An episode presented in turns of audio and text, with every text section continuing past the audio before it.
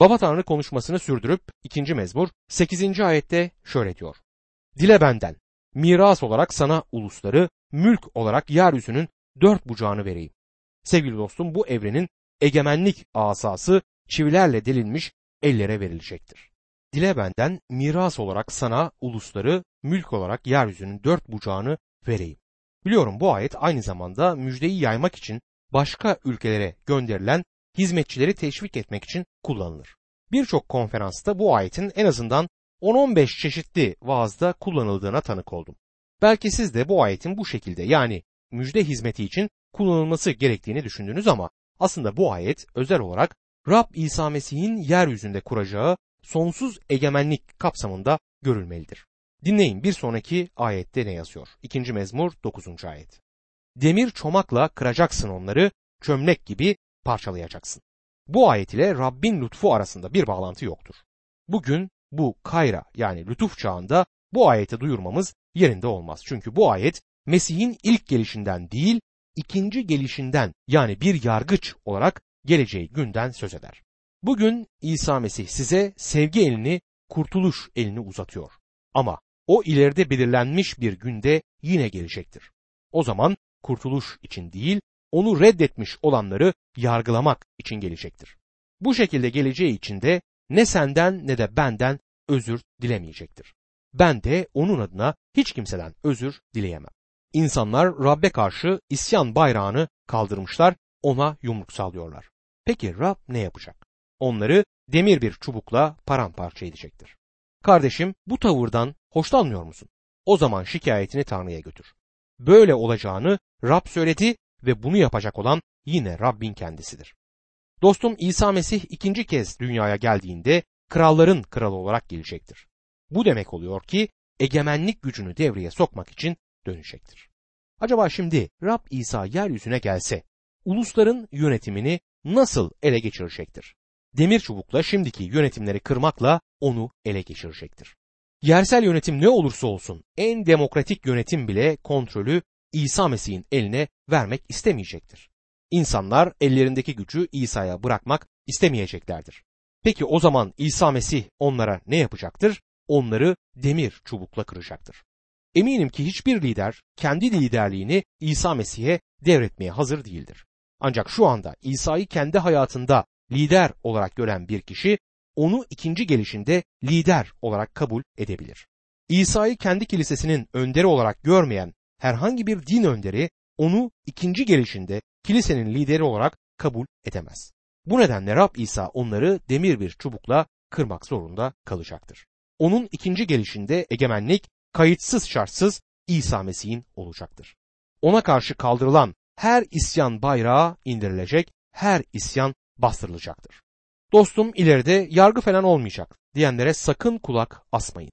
Yarın güneşin doğacağı nasıl kesin ise ondan daha kesin ve emin bir şey daha var. İsa Mesih'in bir yargıç olarak dünyaya ikinci kez geleceğidir bu gerçeklik. Şimdi yine o hayali kameralara geri dönelim. Şimdi gökyüzündeki, cennetteki o hayali kamera kapanır ve yeryüzündeki kameranın objektifi çalışmaya başlar. İkinci mezmur 11. ayet şöyle yazar. Ey krallar akıllı olun. Ey dünya önderleri ders alın. Rabbe korkuyla hizmet edin, titreyerek sevinin. Kutsal kitaptan çalışmalarımı sürdürürken son yıllarda beni gerçekten çarpıcı şekilde etkileyen bir gerçekle defalarca yüz yüze geldim. O gerçekte şudur. Tanrı insanlık tarihinde yerlerini almış olan yeryüzünün egemenlerine gerektiği zaman uyarı mesajlarını göndermiştir. İnsanlık tarihine bakarsak her zaman bu böyle olmuştur. Hiçbir istisna olmadan Rab kralları, imparatorları, başbakanları ve cumhurbaşkanlarını gerekli yerde uyarı mesajlarıyla hazırlamıştır. Mısır yöneten kral tahtında otururken Mısır zindanlarında genç bir adam suçsuz olduğu halde hapisteydi. Tarihin en kritik dönemlerinde yine Tanrı bu genç adamı mucizevi şekilde göksel müdahale ile zindandan çıkardı ve Mısır'ın başbakanı konumuna yükseltti. Onun adı Yusuf'tu. Yusuf peygamberi bilmeyen sanırım yoktur. Mısır tarihinin ve hatta diyebiliriz ki Orta Doğu tarihinin en kritik döneminde Yusuf önemli bir konuma yükseltildi ve onun sayesinde birçok ülke kıtlıktan gereken zararı görmedi. Tanrı işte bu şekilde çalışır. İnsanlık tarihinde daha gerilere gidecek olursak dünyanın ilk büyük gücü sayılan Babil İmparatorluğu ortalara çıkarken Tanrı Babil İmparatorluğu'nun yanına Daniel adında birisini yerleştirdi. Daniel Tanrı'nın özel olarak seçtiği birisiydi. Onu sadece İmparator Nebukadnezer'in yanına başbakan konumunda yerleştirmekle kalmadı. Aynı zamanda bu imparatorun Daniel sayesinde diri Rabbi tanımasına yol açtı. Daniel o konumda kaldı. Rab onu o konumda tuttu. Ta ki Pers kralı Kirus gelip tahta oturana dek. Eski antlaşmada okuyabilirsiniz. Kirus fermanlarını bile diri Rabbin adıyla imzalardı. Biraz daha yakın bir geçmişe bakalım. Napolyon kendisini kaderin çocuğu olarak tanımlamaktaydı. Tanrı'nın onu özel bir iş yapmak için seçtiğine inanmaktaydı. Bu ilginçtir. Tanrı her zaman dünya yöneticilerine, krallara ve imparatorlara kendi sözünü duyurabilmiştir. En yüksek makamdaki egemen güçlere bile Tanrı sözünü iletebilecek güçtedir.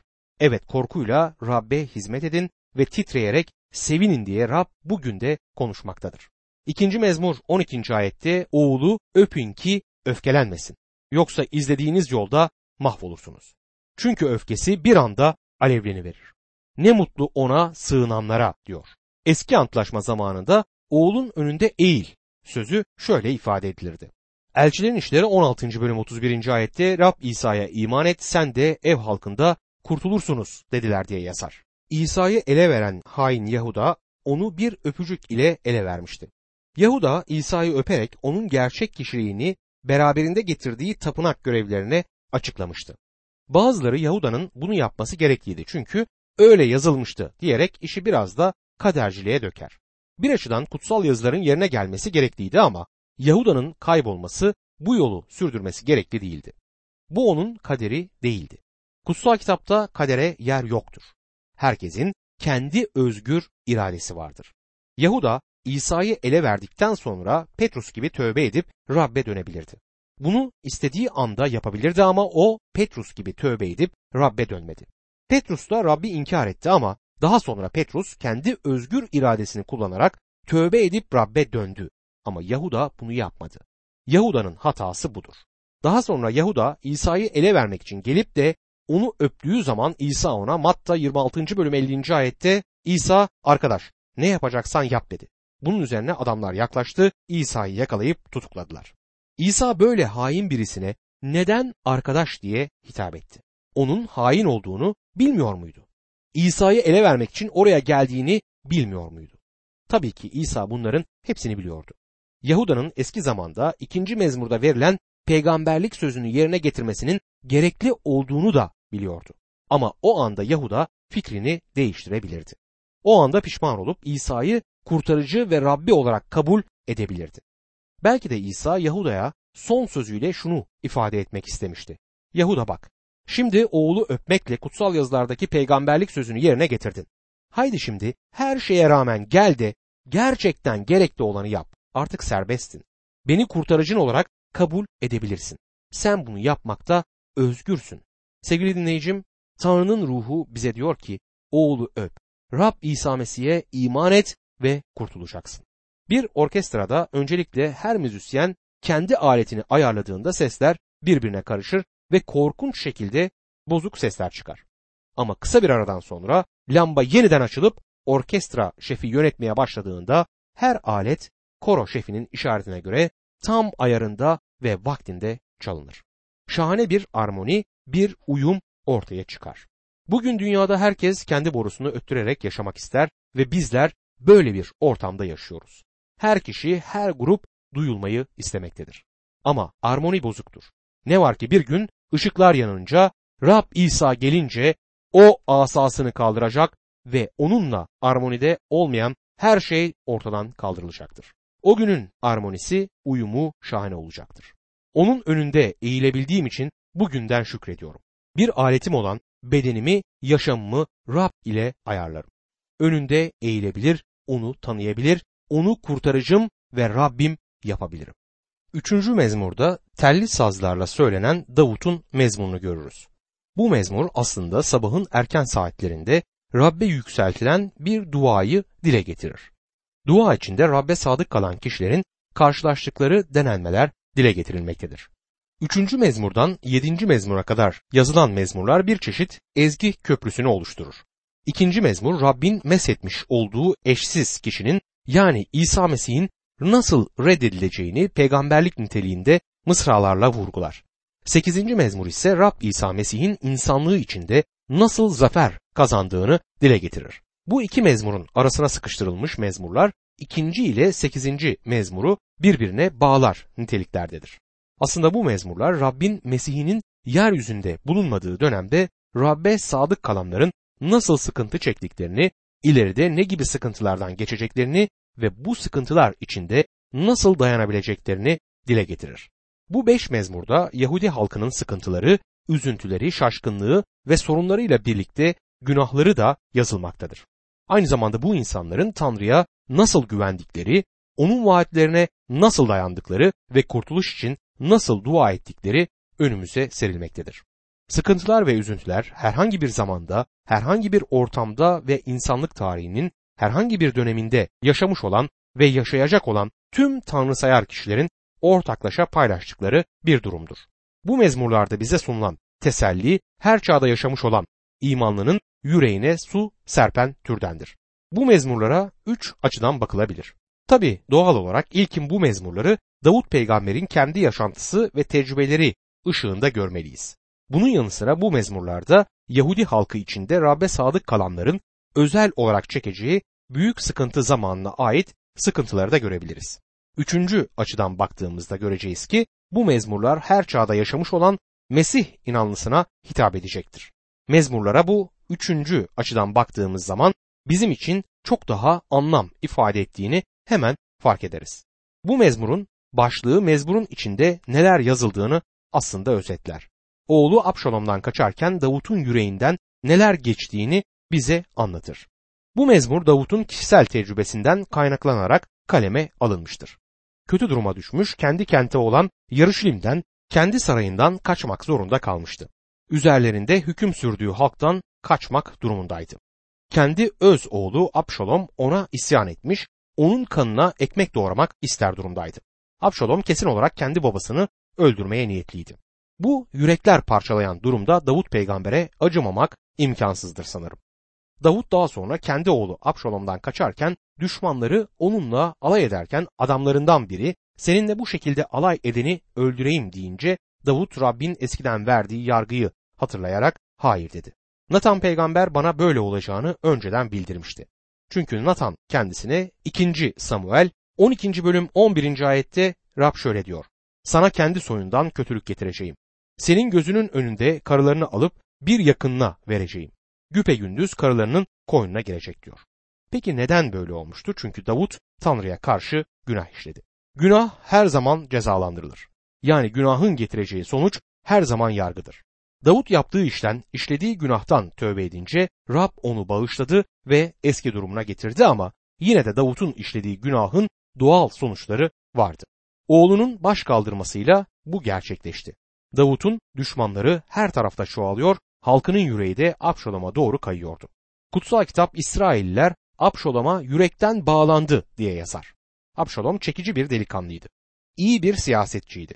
Halka sonradan yerine getiremeyecek güzel, çekici vaatlerde bulunuyordu. Abşalom babası Davut'a baş kaldırdığı zaman onun dışındaki birçok kişi de Davut'a baş kaldırdı. Davut bunun sonucunda Yarışilim kentinden yalın ve ağlayarak çıkıp Kidron vadisine geçti. Kendisine artık kimsenin yardım edemeyeceği bir durumda görünüyordu. Bu olayları aklımızda tutarak 3. mezmurun 1. ayetinden itibaren incelememize başlayalım. Şöyle yazar. Ya Rab düşmanlarım ne kadar çoğaldı. Hele bana karşı ayaklananlar diyor. Bu üçüncü mezmurda Davut'un tam yürekten Rabbe seslendiğini görüyoruz. Bu haykırış onun dudaklarını terk ederken kendisi de sevdiği Yaruşilim kentini terk ediyordu. En umutsuz, en koyu karanlığın hayatına çöktüğü bir anda Davut hala Rabbine güveniyordu. Üçüncü mezmur ikinci ayette birçoğu benim için Tanrı katında ona kurtuluş yok diyor der. Ancak Rab onu terk etmemişti.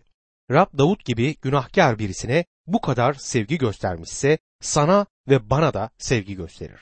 Her tövbe eden günahlıya da sevgisini gösterecektir.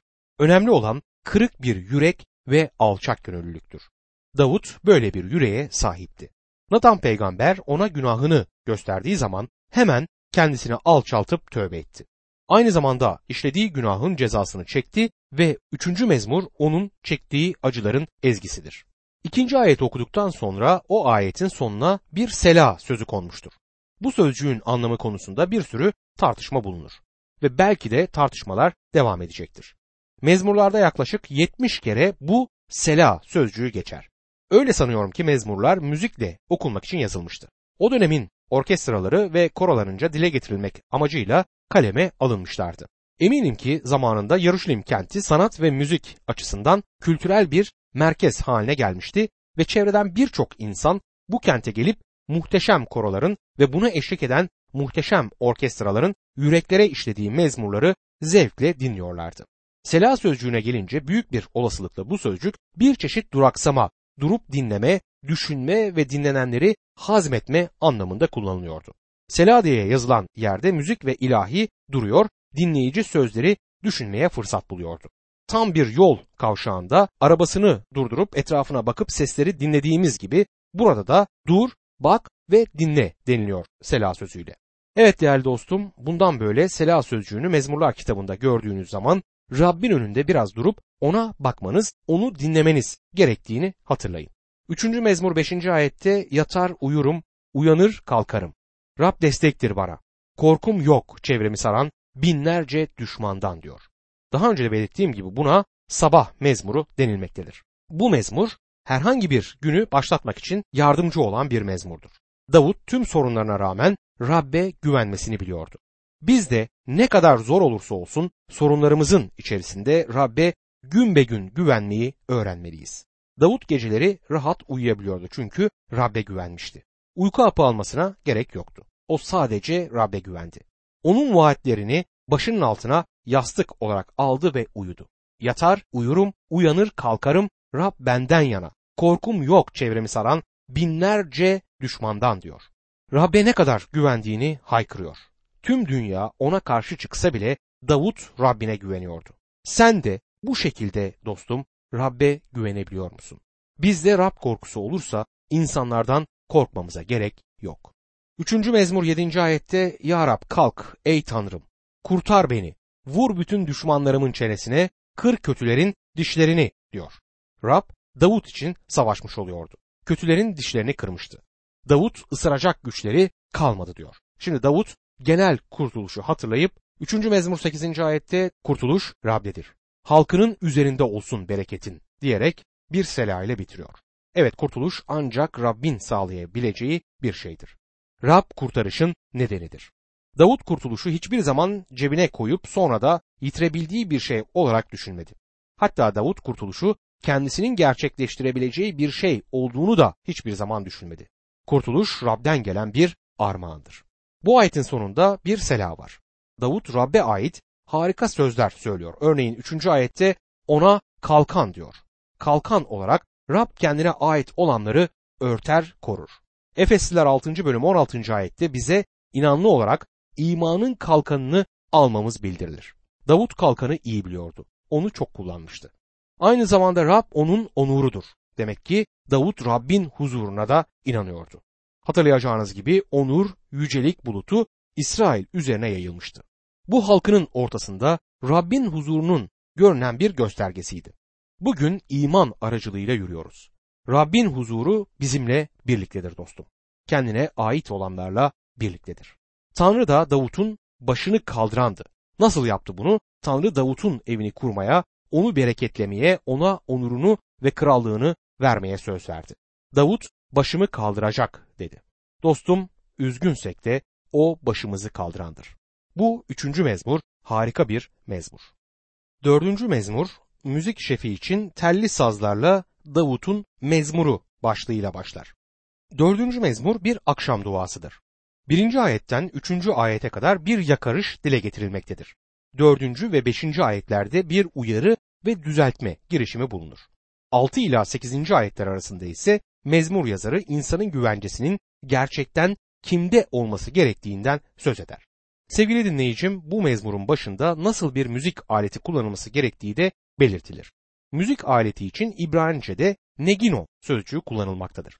Bunun çevirisi biraz tartışmalıdır. Aslında o kadar da önemli değil ama negino sözcüğü herhangi bir müzik aletine değinir. Bazı yorumcular bunun telli saz ya da ud şeklinde bir alet olduğunu ileri sürer. Bazıları ise bunun flüt olduğunu iddia eder. Bence bunun pek de fazla bir önemi yoktur. Mezmur yürekten gelen bir seslenişle başlar. Burada bir dua yükselmektedir. Rabbe ait olanların sıkıntı zamanında sığınabilecekleri en emin yer dua yeridir. Davut bu mezmur duasına şöyle başlar. Dördüncü mezmur birinci ayetti. Sana seslenince yanıtla beni. Ey adil Tanrım! Ferahlat beni sıkıntıya düştüğümde. Lütfet bana, kulak ver duama.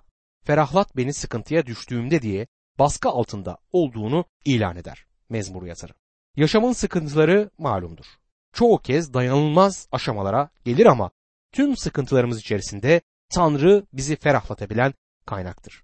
Bu bunalımlı dünyada sıkıntılar içinde ferahlayabilmemiz için Rabbin sözüne dönmemiz gayet doğal bir şey olmalıdır.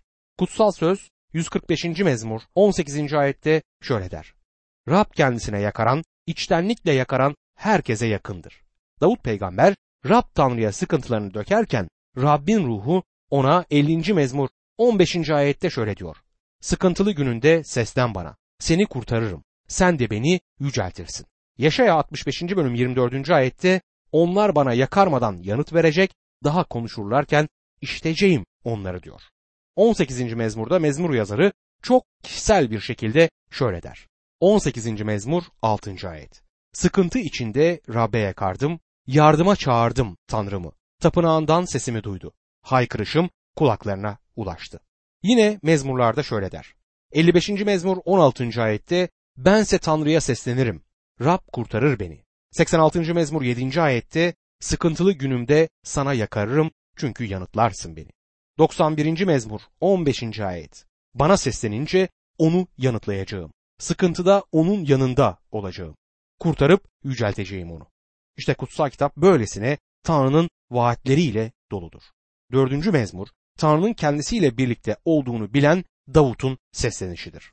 Dördüncü mezmur ikinci ayette ey insanlar ne zamana dek onurumu utanca çevireceksiniz. Ne zamana dek boş şeylere gönül verecek, yalan peşinde koşacaksınız diyor.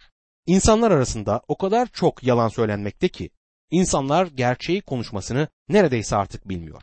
İşine geldiği zaman gerçeği konuş ama işine gelmezse yalan söyle. Güncel yaşantımızda bu çirkin yaşam felsefesi bal gibi de kullanılmaktadır. Mezmur yazarı şöyle diyor. Kötüler ana rahminden yalancıdır. Doğuşlarından yalan söyleyerek saparlar. Ama Tanrı buna kesinlikle hayır diyor. Dördüncü mezmur üçüncü ayette bilin ki Rab sadık kulunu kendine ayırmıştır. Ne zaman seslensem duyar beni der. Duamızı işiten Rab harikadır. Uyarı şeklinde konuşulan iki sözde mezmur devam eder. Dördüncü mezmur dördüncü ayette öfkelenebilirsiniz ama günah işlemeyin. İyi düşünün yatağınızda susun diyor. Burada dualarımızın kabul edilmesi için nasıl davranmamız gerektiği bizlere bildirilmektedir. Korkuyla titreyin derken burada dile getirilen anlam günah işlemekten korkundur. Günah konusunda çok titiz davranmalıyız. Ne yazık ki günümüzde bu konuda o kadar korku görmüyoruz. Günah çok hafife alınmaktadır. Sanki önemsiz bir şeymiş gibi günahtan söz edilir. Evet İsa Mesih'te kurtuluş bulduk. Ama bu kurtuluşumuzu büyük bir titizlikle günahtan kaçarak etkin kılmalıyız. 4. mezmur 5. ayette doğruluk kurbanları sunun Rabbe ona güvenin der. Mezmurda Rab bizi uyarır. Doğruluk kurbanları sunun diyor. Ne demek bu doğruluk kurbanları? Hayatımızda Mesih'i yaşamak, onun doğruluk giysilerini her gün kuşanmak ve bu şekilde yaşamaktır. Örneğin kutsal söz biz imanlara şöyle der. Efesliler 4. bölüm 26. ayetti. Öfkelenin ama günah işlemeyin. Öfkenizin üzerine güneş batmasın. Bu küçük sayılan öfke reaksiyonu bile Rabbin kutsal ruhu tarafından kontrol edilmelidir. 4. mezmur 6. ayette kim bize iyilik yapacak diyen çok, Ya Rab yüzünün ışığıyla bizi aydınlat der. Birçoğu diyor ki artık hiçbir şey yolunda gitmez. Gerçekten de Rabbin yüzünün nuruyla bizi aydınlatmasına çok ihtiyacımız var. Davut peygamber Rabbin iyiliklerini kendi yaşamında tecrübe ettiği için 4. mezmur 7. ayette şöyle diyor. öyle bir sevinç verdin ki bana. Onların bol tahıl ve yeni şaraptan aldığı sevinçten fazla. Davut peygamber senin benim gibi bir insanı dostum. Sorunlarla, sıkıntılarla karşılaştığı zaman o da bizim gibi umutsuzluğa kapıldı. Çevresinde iman etmeyen insanlar vardı. Hatta kendi adamları bile onunla alay etti, ona güvenmedi ve Davut peygamberin tanrısıyla alay etti. Tanrı onun için hiçbir şey yapmayacak dediler. Ancak biliyoruz ki Tanrı onun için büyük işler yaptı. Öyle bir sevinç verdin ki bana onların bol tahıl ve tatlı şaraptan aldığı sevinçten fazla diye sevinçle zıpladı Davut. Dostum Rab Davut'a karşı iyi davrandığı gibi bize karşı da iyi davranmak ister. Şimdi bu mezmurun nasıl sona erdiğine bakalım. Son ayet yani 8. ayet şöyle der. Esenlik içinde yatar uyurum. Çünkü yalnız sen ya Rab güvenlik içinde tutarsın beni. İşte dostum psikologların, ruh doktorlarının ve birçok kişinin çözüm getiremediği durumlara Rabbin çözümü. Uykusuz geceler mi geçiriyorsun? Rab'deki güvenlik sana en iyi uykuyu sağlayabilir. Uyku hapları almaya ya da başka ilaçlara başvurmana gerek yok. Dördüncü mezmuru okumayı deneyin. Denemediyseniz deneyin. Yalnızca dördüncü mezmur değil, tüm mezmurlar bizi bu stresli yaşamın stresinden kurtarıp yukarıdaki göksel yerlere getirebilir.